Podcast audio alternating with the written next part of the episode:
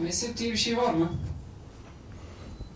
Yakışıklım yani o kadar ürkütücü bir durum ki bu. Bir tane kitap var. Kur'an. Bu kitaptan bir tane din çıkar. Bir tek bir din çıkar. Hakikaten. E, sahabe döneminde bir tane din vardı. İslam dini vardı. Şimdi ne olmuş? Sünnet adı altı al, sünnet adı altında, hadis adı altında dört din daha çıkarmışlar. Hanefi, Hanbeli, Maliki, Şafii. Onun helalini o kabul etmiyor, onun haramını o kabul etmiyor. Onun ibadetini o kabul etmiyor, onun ibadetini de o kabul etmiyor. Şiilik çıkmış, Vahabilik çıkmış. Allah Allah. Kitap bir tane nasıl oluyor bu ya? Olacak iş değil. İşte uydurma hadislerin getirdiği felaket. Mesela diyor ki Ebu Hanife, Hanefi mezhebinin kurucusu. İmam-ı Şafii'nin diyor açıklamaları tamamen geçersizdir. Olur mu diyor. Mesela kan çıkınca abdest bozulur diyor. İmam-ı Şafii diyor ki İmam Hanefi kesinlikle yanlış söylüyor diyor. Bilmiyor diyor. Kendi kafasına göre söylüyor diyor. Olur mu diyor.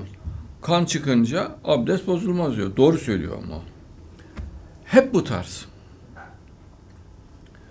Çeşit çeşit din. Helallere, haramlara, her şeylere ayrı. Kitap tek. Halbuki Peygamberimiz zamanında kitap tekti, din de tekti. Bu çok büyük fitne ve şu an Müslümanlar birbirlerini kırıp geçiriyorlar. Şii-Sünni savaşı, Vahabi-Sünni savaşı dehşet verici boyutlarda. Ve bunu da ısrarla savunuyorlar. Çok iyi bir şey diyorlar bu mezhep olması diyorlar. Ya Peygamberimiz zamanında mezhep olmadığına göre ve ayette de haram olduğuna göre dini parçalamak. Neden bunu yapıyorsunuz? Yapacağız diyorlar. Mehdi devrinde mezheplerin ortadan kalkacağını Peygamberimiz söylüyor. Bunların mezhepler meydana getireceğini ve mezhepleri de Mehdi'nin kaldıracağı söyleniyor. Ama 70 bin sarıklı hoca diyor Mehdi'ye karşı baş kaldırır diyor Peygamberimiz. 70 bin başı sarıklı hoca Mehdi'ye karşı baş kaldırır. Deccal'in safına geçerler diyor 70 bin hoca.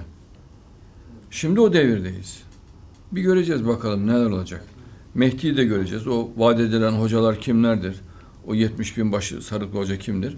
Onları da göreceğiz.